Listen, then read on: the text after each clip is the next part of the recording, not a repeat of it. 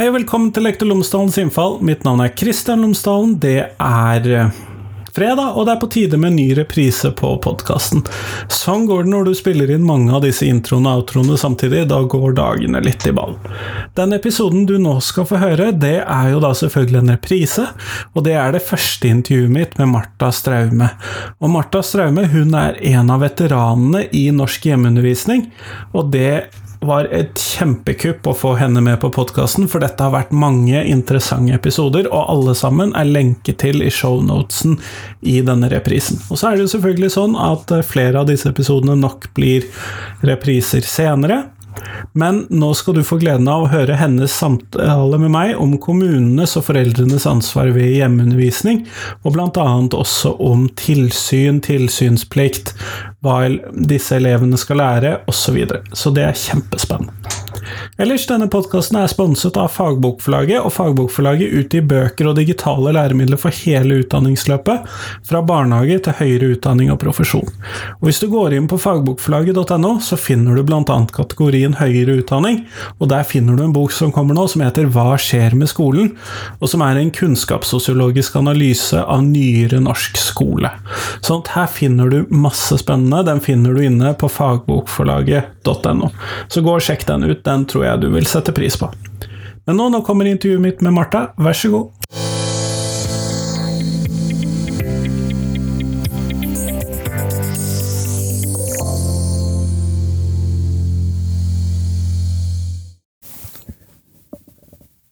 Tusen takk, Martha, for at jeg har fått lov til å komme og besøke deg her i dag. Det var hyggelig, det. Før vi starter, kunne du ha fått, uh, fortalt lytterne mine tre ting om deg selv, sånn at de kan bli litt kjent med deg før vi begynner? Ja. Uh, det som er viktigst for meg, er at jeg har fem barn og 14 barnebarn. Uh, så er jeg lærer eller lektor med pedagogikk hovedfag. Og har praksis fra grunnskole og høgskole.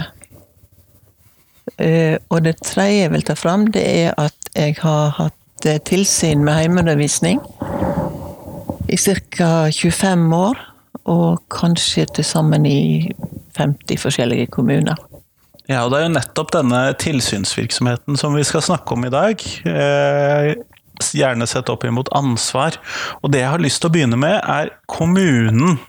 Når, man, eh, når en eh, forelder eller et familie i kommunen velger å ha hjemmeundervisning. Hva er det som er kommunens ansvar i en sånn situasjon? Ja, Kommunens ansvar er jo å føre tilsyn med den heimeundervisningen. Um, de, å ha heimeundervisning er jo en, en, likeverdig måte å gi opplæring på som, som grunnskolen gir, den offentlige grunnskolen gir. Uh, og når det gjelder tilsyn, uh, så er det ikke gitt veldig mange regler for det. Eh, det er et rundskriv fra 2013. Eh, og så har vi i disse årene laga en ganske god praksis som har fungert eh, ja, i de kommunene jeg har vært inne i, iallfall. Ja, fordi at på dette feltet så er det jo du og tidligere intervjuobjekt Christian Beck som gjerne har vært blant de som navnene som jeg ser dukker opp oftest, i hvert fall. Ja, det er vel vi som har brøyta veien, kanskje.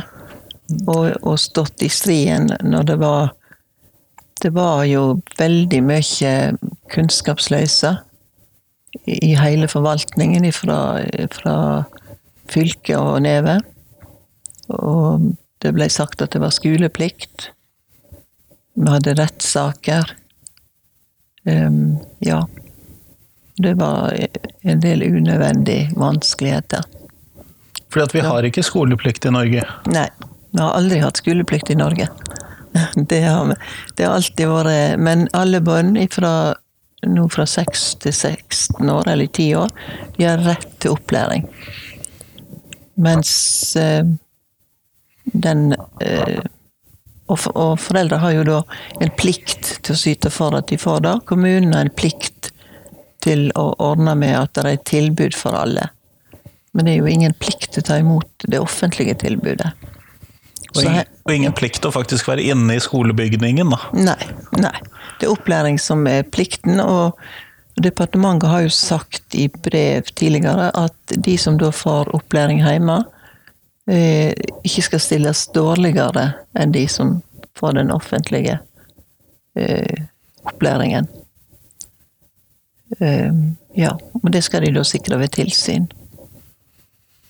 Nå, vi vet jo at, eh, eller vi tror vi vet, er vel riktigere å si at det er 100-200, kanskje 300 hjemmeundervisningssaker i Norge sånn. Ja, det er veldig vanskelig å vite. Jeg tror at det er mange som en ikke vet om. Um, og hvordan kommunen registrerer det, er vanskelig å si. Heimeundervisning kan foregå i perioder. Um, Iallfall. Og det er veldig usikkert der. Jeg vil vel kanskje tro at det må være minst 300. Ja. Ja. Men det er ikke noe som kommunene støter borti hver dag. Så, jeg, så, jeg, så gitt at jeg var en sånn kommuneansatt i det, det heter vel en sånn skoleavdelingen eller fagavdelingen for skole, eller hva nå det heter. ja, litt forskjellig. Så ville jo vel antagelig jeg ute i kommunen blitt litt overrasket og litt sånn øh, Hva gjør jeg nå? Hvis det kom inn en melding om vi tar eleven ut av skolen og vi vil ha hjemmeundervisning. Mange blir det jo da, og mange blir det ikke. Um, Det er egentlig litt rart at de blir så overraska, for det har jo vært kjent nå, da, i mer enn 20 år. Um, Men det er jo noen eh, som liker å bestemme. Ja. Ja, og det fins faktisk kommuner der de blir litt sånn fornærma, kanskje. Men det er òg mange som bare tar det på strak arm. Så grunnen til det veit jeg ikke, men Men um, Det var jo å håpe at alle hadde den kunnskapen, at de visste de skulle samarbeide med foreldre og var villige til å gjøre det. Ja, for skolen eh, For kommunen må samarbeide med foreldrene hvis foreldrene vil dette. Ja, det må en jo i alle fall. Det måtte jo jeg som lærer òg. Samarbeide med foreldre. Så det er jo Det er jo ikke noen annerledes måte å møte foreldre på. Nei, det har du for så vidt rett i. Ja. Eh, Men eh, kunne jeg da som kommune satt noen krav til foreldrene i forhold til Eller ikke i forhold til Med tanke på eh, kompetanse, eller med tanke på eh, hva de skulle gjennom, eller lignende? Det står jo i det rundskrivet at eh, eh, kommunen skal respektere foreldre sitt eh, valg, også når det gjelder pedagogisk retning. Og det er foreldre som bestemmer hva barn skal lære å tro, eh, fram til de er 15 år. Eh, så på det området kan du ikke stille krav. Men at de skal få en opplæring så de ikke blir stilt dårligere Ja, enn andre. ja for det du mente med den, eh, Ja. det uh, sitatet i stad, ja. Ja. Uh, For de skal jo videre helst, og, og bli skattebetalere. Ja. det må de. Og da må du ofte inn på videregående, ofte inn på universitetet. Ja, eller de må få seg finne seg en vei. Ja. å være kvalifisert for det. Men, men eh, eh, Og mange sier jo at de vil følge den gjeldende planen, som nå er da K06, som vi ser. Eh, Men det som er norsk lov, i alle fall, det er jo å gi tilpassa opplæring. Eh, Og det er jo mye lettere å gjøre hjemme. Ja, for da har du bare én å forholde deg til, eller Ja, to, eller- eller ja. ja. Ikke 30. Og du er i dialog hele tida, ikke sant? Og kan se så, Sånn at um, Men du kan ikke, ikke stille krav til at foreldre skal ha en spesiell utdanning. Alle har lov å prøve seg. sånn, Så det er jo ved tilsyn når de har holdt på en stund, at en kan se om dette går bra eller ikke. Og det går jo forbausende bra. Det jeg har sett. Ja. Ja, for du har jo jobbet som tilsynsfører, så du sa 25 år? Ja, snart det. Og ja, jeg har sett mange flinke barn, mange flinke foreldre, og mange som eh, som har det veldig bra. Eh, ja, fordi noen har jo begynt med hjemmeundervisning pga. mobbing. og da har jeg sett at det tar en stund før de er glad igjen, som vi pleier å si. og, og når de da har, har liksom eh, Ja funnet seg sjøl igjen, eh, så går heimeundervisningen veldig bra. Jeg, pleide å si altså Jeg hadde jo også sjøl heimeundervisning i en eh, periode. Og da pleide jeg å si at eh, vi gjorde dobbelt så mye på halve tida. Det er faktisk sant. Du er ikke forplikta på å drive heimeundervisning i den skoletida. Og en er heller ikke forplikta til å drive det inne i hus. En kan være hvor som helst. Og Du kan gjøre det i skogen fra Ja, ja, fire om ja. ettermiddagen til ni om kvelden. ja, det kan en. På ekskursjoner og øh, Og så er det jo òg en eh, Altså, det som jeg ikke tenker på, er jo det at en kan jo ikke hindre barn i å lære. Det er jo det som er saken. De lærer jo fra, fra de våkner, og kanskje når de sover. Mm, sånn at um, det er veldig lite faktiske krav kommunen da kan stille til foreldre og til hjemmeundervisningen, da. Ja, det er det. Men det, det som de kunne tjene på i kommunene, det var jo at de lærte opp de som skulle ha tilsyn. At ikke de For eksempel så har de jo ingen rett eh, til å gå inn i heimen. De, de kan inviteres inn. Sant, Så, så Og det blir, blir en jo veldig ofte. Um, og så tenker jeg at det første en, en som skal ha tilsyn må gjøre, det er jo å, å få, skaffe seg tillit. Sant? Eh, Foreldre og barna, ikke, ikke minst, de må bli trygge på dem. Og, og da må en jo være villig til å Eller en må være den tilliten verdig. Um, Det er noen som ikke greier det. Og da blir det ofte vanskelig, og, og kommunen kan bruke makt, kanskje. De truer. Vært inne i en del saker der, der de har trua med barnevern, noe som er helt feil. Um, Ja, For hjemmeundervisning i seg selv er ikke hva skal vi kalle det, barnevernsgrunn i Nei, det er ikke omsorgssvikt. Tvert imot. Hvis, det, er jo, det er jo sånn at eh, barneloven paragraf 30 pålegger foreldre å syte for at de ikke er i psykisk eller fysisk eh, skade eller fare. Noe som de absolutt er eh, når det er mobbing.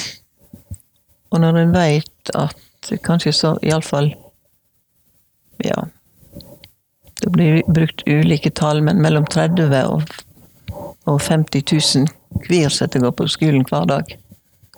Så er det mange eh, foreldre som burde ta barna sine derifra. Et halvt til et helt barnekull, da nesten. Ja, det er faktisk det. Ja. Hvis vi regner et barnekull som 60 000 ja barn. det er vel omtrent det det er nå. Ja. Ja. Nei, det er, det er dramatisk. Så, så da er det jo de foreldre som gjør det. Så da skjønner jeg jo det meningsløse i å melde de foreldre til barnevernet. Men det skjer. Mm. Det skjer. Så det er veldig viktig å få den kunnskapen ut at sånn kan vi ikke gjøre. Sånn kan vi ikke handle mot andre. Men hvis vi da ser på For jeg forsto det slik at du likte tilsynslærer bedre enn tilsynsfører. Ja, det er sant. det er veldig sant. Og ja. de, må, de kan ikke tvinge seg inn i huset, de må skaffe seg tillit, sånn at de faktisk blir invitert inn og blir Mm. eh, tatt imot. Men er det noen andre plikter eller ansvar som tilsynslæreren har? Ja, jeg vil jo jeg, De reglene som jeg nå, eller hva jeg skal kalle det, moment som jeg har laga for, for å ha tilsyn, eh, det er jo enkle enkle regler. Altså Hvis en tror at en kan sjekke at de har vært innom eh, alt som tenkes kan, det er jo ingen som kan, og ingen lærer kan det. Nei, det får vi jo ikke til i skolen Nei, heller. Så. Nei, nei. Så, så en må jo se, da har vi jo disse fem ferdighetene. At en skal altså De skal lære å lese, skrive, uttrykke seg skriftlig og muntlig, ja.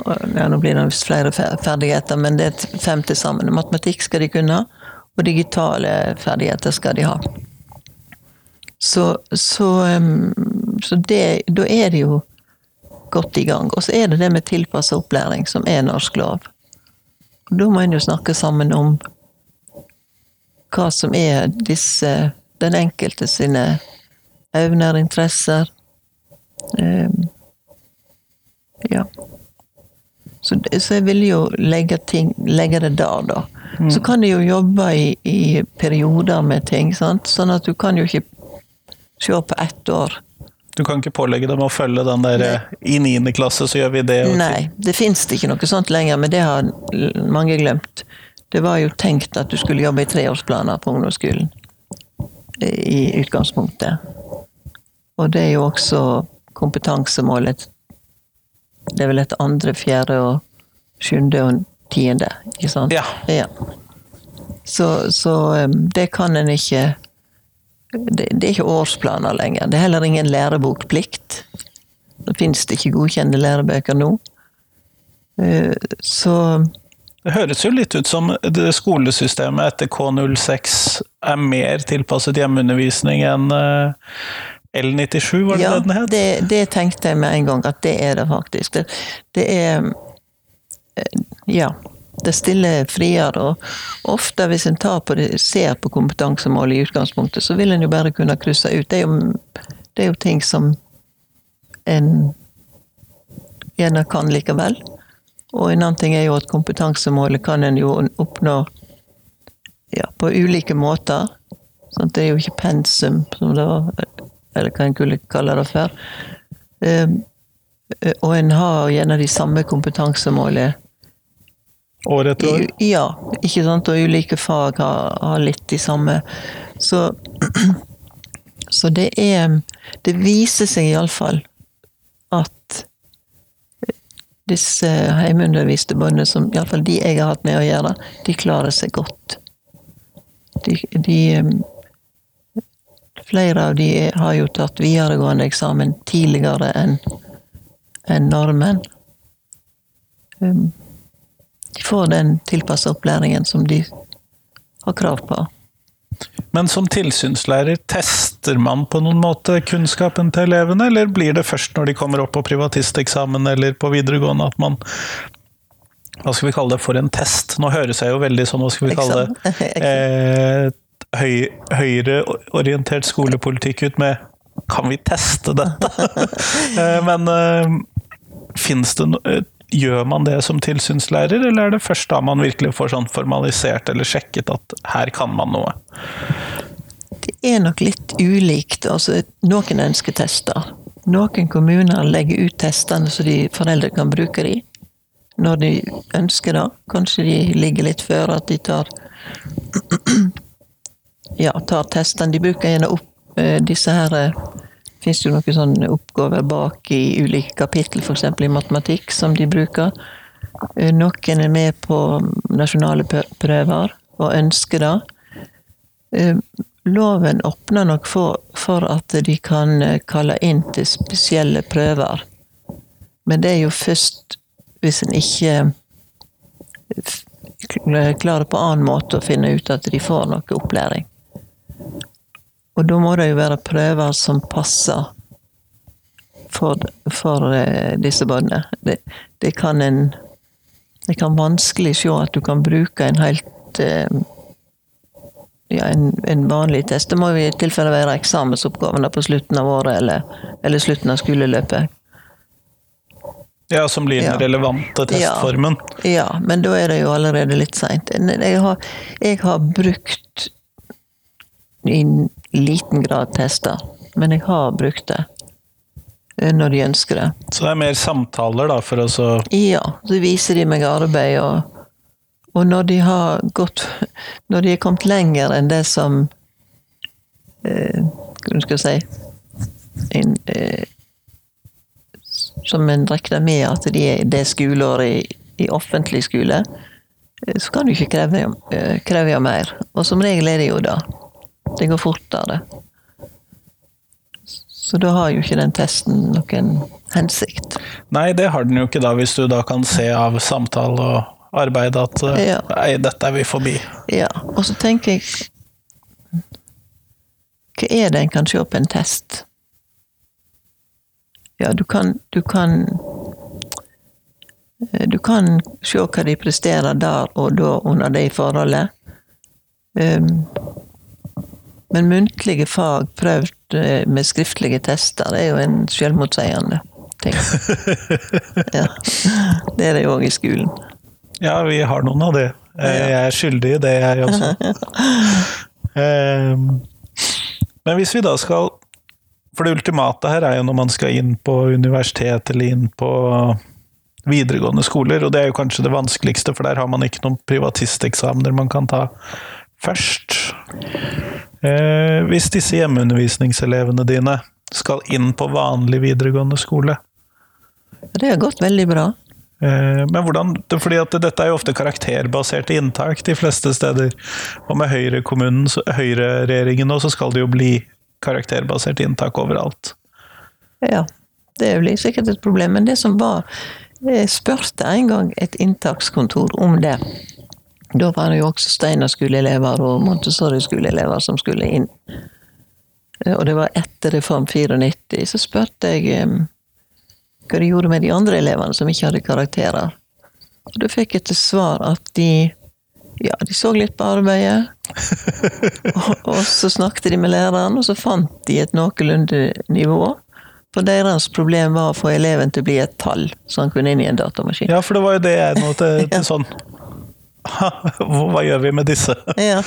Nei da, så det var problemet. At de, å, å få et, de til bli et tall. Så de det siste jeg har hatt med å gjøre nå, sender vel inn et arbeid til videregående. Og søker det er jo mulig å kalle de inn sant, til audition eller noe sånt med, med Hvis de skal inn på spesielle linjer, som internett eller musikk eller dans og drama. Um, ja, de, det har gått bra. Jeg veit ikke om noen som har problem. Nei, nettopp. Nei. Nei, fordi det, det, jeg kom på det nå nettopp, at det ville jo kanskje kunne være et problem. Men, eh, Ja, hvis de krever karakterer, kan det bli et problem. ja. men det kan man jo ikke, for da utelukker man jo Steiner-barna. Ja, de gjør jo det. Sant? De gjør jo det, så det, de, de vil jo stille i samme klasse. Jeg tror ikke det. I dag er jo det et større problem at, at ungdommer ikke vil gå på videregående, enn at de vil gå der. Så jeg vil jo tenke at de er glad for alle som kommer. Og det, det er ikke mange av de som jeg kjenner til, som har droppa ut, da. Så Ja, for du følger disse elevene etter at de går over i eh, ja, de jeg kjenner. Ja. Men, men samtidig så er det jo veldig mange som begynner i arbeid. Det er det jo. Mange av de har gjerne gått med foreldre i, i lære. Iallfall noen gjør det. Ja. Så ja, så det er litt varierende hva de gjør etter ja, er, hjemmeundervisningsslutt. ja, det er det. Det er en del av de som har blitt håndverk, håndverkere, ja, som jeg kjenner til. Og det trenger vi jo. Ja, vi gjør jo det også. Ja. Eh, Men foreldrene, og det er jo den Nå har vi jo snakket om kommunen, og vi har snakket litt om denne tilsynslæreren, eller tilsynsføreren som det ofte heter. Men eh, foreldrene, hva er deres ansvar når de begynner med hjemmeundervisning? For jeg tenker jo, eh, hvis vi da tar mitt utgangspunkt, jeg ville vært skittnervøs. Eh, For greit nok at jeg er lærer og jeg har kompetanse i noen fag, eh, men det er langt ifra alle fagene. Eh, Hva er foreldrenes ansvar når de skal ta oss og gjøre hjemmeundervisning? Det spørs jo litt hva utgangspunktet er. Sant? Hvis, det er eh, hvis det er barn som har blitt mobba, så tenker jeg de må roe ned, og de må få det barnet trygt og glad igjen, og få tru... Klar til å lære, ja, da. på Klar til å lære. Ja. Så det kan godt hende vi begynner med helt andre ting. Sant? Begynner med Ja. Og det kan ta lang tid. Det kan ta månedsvis.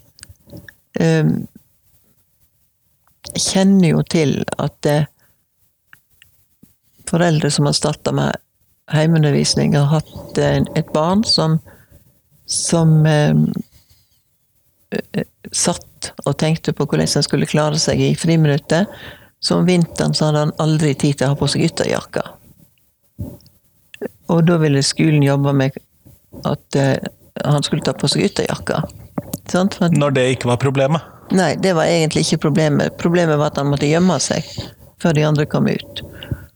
Og, og når du er så redd og skal begynne Da er jo også undervi, eller, ja, undervisning knytta til mobbingen, ikke sant? Så det kan ta lang tid før, før eh, gleda ved å lære kommer tilbake. Og det, det mm, Men den kommer. Men det må en vente på. Det må tilsynet skjønne. Det Dersom de har vanskelig for å se at det er mobbing på skolen, så kan det bli problem.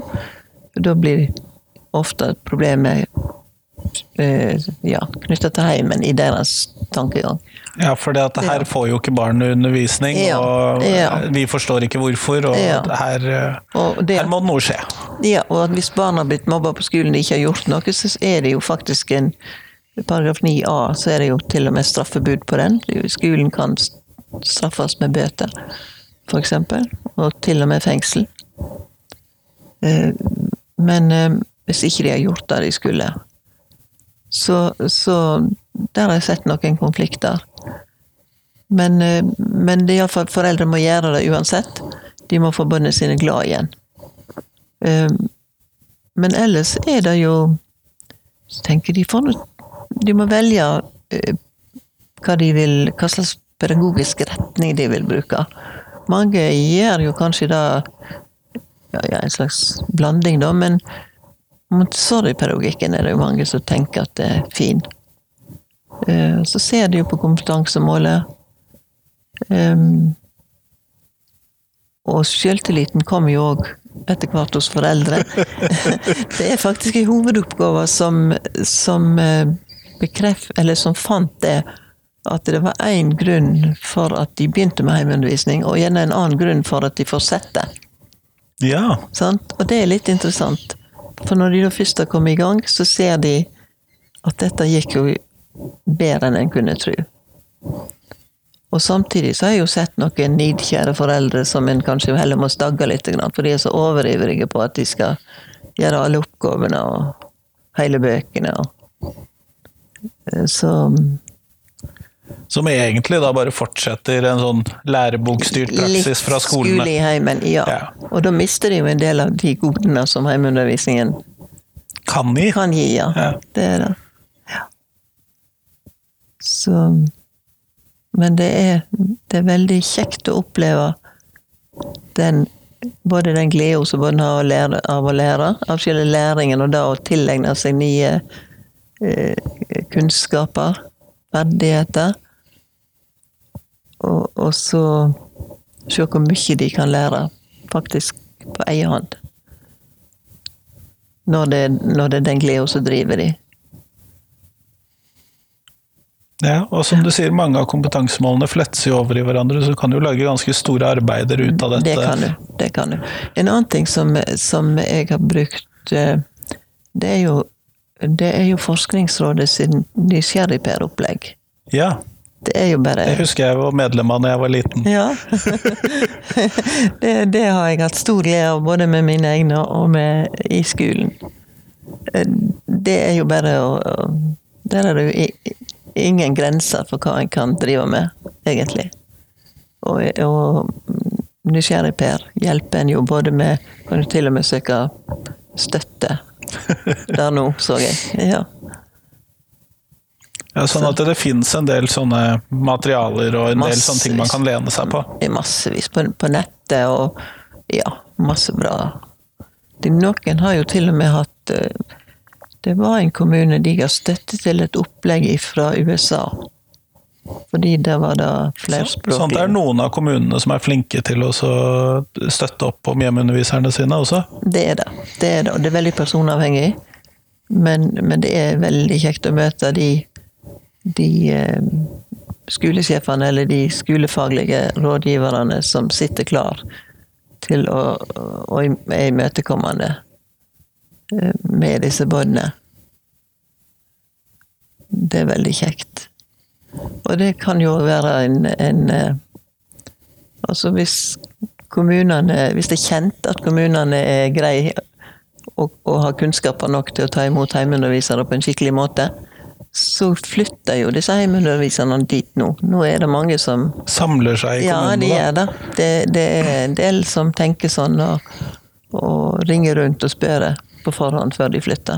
Litt sånn som man hører om eh, foreldre med handikappede barn som reiser til kommunene som er gode på støtteordninger Ja. for det, eller kristne menigheter som flytter og bosetter seg på enkelte områder. Og, Ja, det er sant. Det er Så små kommuner, de bør satse på dette her. Masse tilflytning Ja. uten å øke skoletallet. Ja. De får jo tilskudd, for de skatt i mid- Eller, ja. Den nye, next, Nye nye, nye vekstnæringen i Kommune-Norge. Ja. jeg håper jo at vi klarer å ha en offentlig skole som klarer å gi et godt nok tilbud til alle, uten at vi skulle trenge å ha det som vekstnæring. Ja, det er jeg enig i. Det er helt sant. Det, det, det er jo klart, så blir jo disse heimeunderviserne gjerne spurt om akkurat det, da, ikke sant? hva med det sosiale? Det er jo liksom stort og viktig dyr i skogen som ingen har sett. Men det er jo klart at barn trenger, eh, trenger hverandre. Sant? De trenger eh, trenger å ha noen å leke med, eller å Ja, venner. Mm. Så, og det kan skolen fungere som, selvsagt. Men for de som det sosiale er et problem Så er jo ikke det Ja, nei, jeg ser den. Ja. Men, men klart da. Nei, vi må jobbe for den offentlige skolen. Det er, en, det er jo òg en sånn ting som jeg tenker på, at når en tapper utkantene for skoler, så vil jeg tro at dette problemet med heimeundervisning Eller hvis det er et problem, da Det er en av grunnene til at heimeundervisning har økt. Det er nedlegging av skoler i utkantene. Um, både fordi at det blir, blir um, større enheter, det er vanskeligere å ja, få oversikt over. Både mer uttrykket da. Eh, Og fordi det er lang skolevei. Når, når både sitter en time på bussen eh, hver vei Jeg har kjørt på tilsyn til hjemme der, det- der veien er rasfarlig og så smal at jeg er livredd. Og der skulle bånda kjøre hver dag. Med en svær buss. Med en stor buss, ja. Så det er veldig forståelig at de ungdommene sjøl har valgt det, eller i det tilfellet kan det få hjemmeundervisning. Mm. Men dette passer egentlig glimrende som en overgang til mitt siste spørsmål, som jeg stiller til alle intervjuobjektene mine. Og det er hva ville du gjort hvis du var norsk skolediktator? Altså hvis Marta Straume fikk lov til å ha fritt mandat og fritt budsjett og gjøre noe i den offentlige skolen. Hva ville du gjort? Ja. Fikk jeg mer enn tre ting? Ja da, du kan få så mange ting du vil. Eh, Du er jo Ja. diktator. Jeg er diktator. Så ja, jeg har tenkt en del på det. Um, og da tenker jeg meg at, og det har jeg sagt mange ganger, at det skulle ikke være lov å bygge skoler uten nærhet til, til naturen. Jeg ville hatt det i et småbruk. Så ville jeg hatt dyr og planter og, og, og, og et menneske som som eh, kunne ta både elevene med seg. Litt den gamle vaktmesteren, Ja, litt sånn. Ja. Ja. Men en, en, liten, en bonde og en vaktmester som tok båndene med. Det var det ene. Og så ville jeg hatt flere yrkesgrupper knytta til skolen. Og da tenker jeg ikke på helsesøstre og, og sånn typiske reparasjonsarbeidere. Men jeg tenker på vanlige yrker. Eh, Så, så barn kunne få sånn mester-svenn-læring. ja, sånn ja. Ja. Så kunne du ha Og det kunne en ta inn idrett og musikk og dans og ulike kulturer. Og så vil jeg tilbake til sjuårig skolestart. Og praktiske aktiviteter fra første klasse. Det er ikke bra at barn sitter så lenge stille. Tusen takk for at jeg har fått lov til å komme og prate med deg i dag. Takk, du.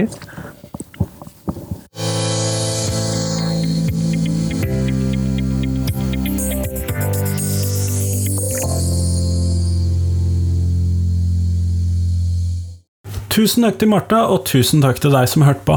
Nå er det fram til tirsdag, så kommer det et nytt intervju på podkasten, og det gleder jeg meg som alltid til. Og det satser jeg på at uh, du også gjør. Og så satser jeg på at du kan sende meg tips til uh, temaer og mennesker du har lyst til å ha på podkasten, fordi at jeg klarer jo som alltid og ikke Eller jeg klarer aldri å tenke ut alle mulige temaer å ha på podkasten, og jeg satser på at du kan hjelpe meg med at podkasten blir rikere, bredere, dekker norsk skole bedre. Det håper jeg du kan hjelpe meg med. Men nå håper jeg at du tar deg en god helg, og så satser vi på å høres igjen. Hei, hei.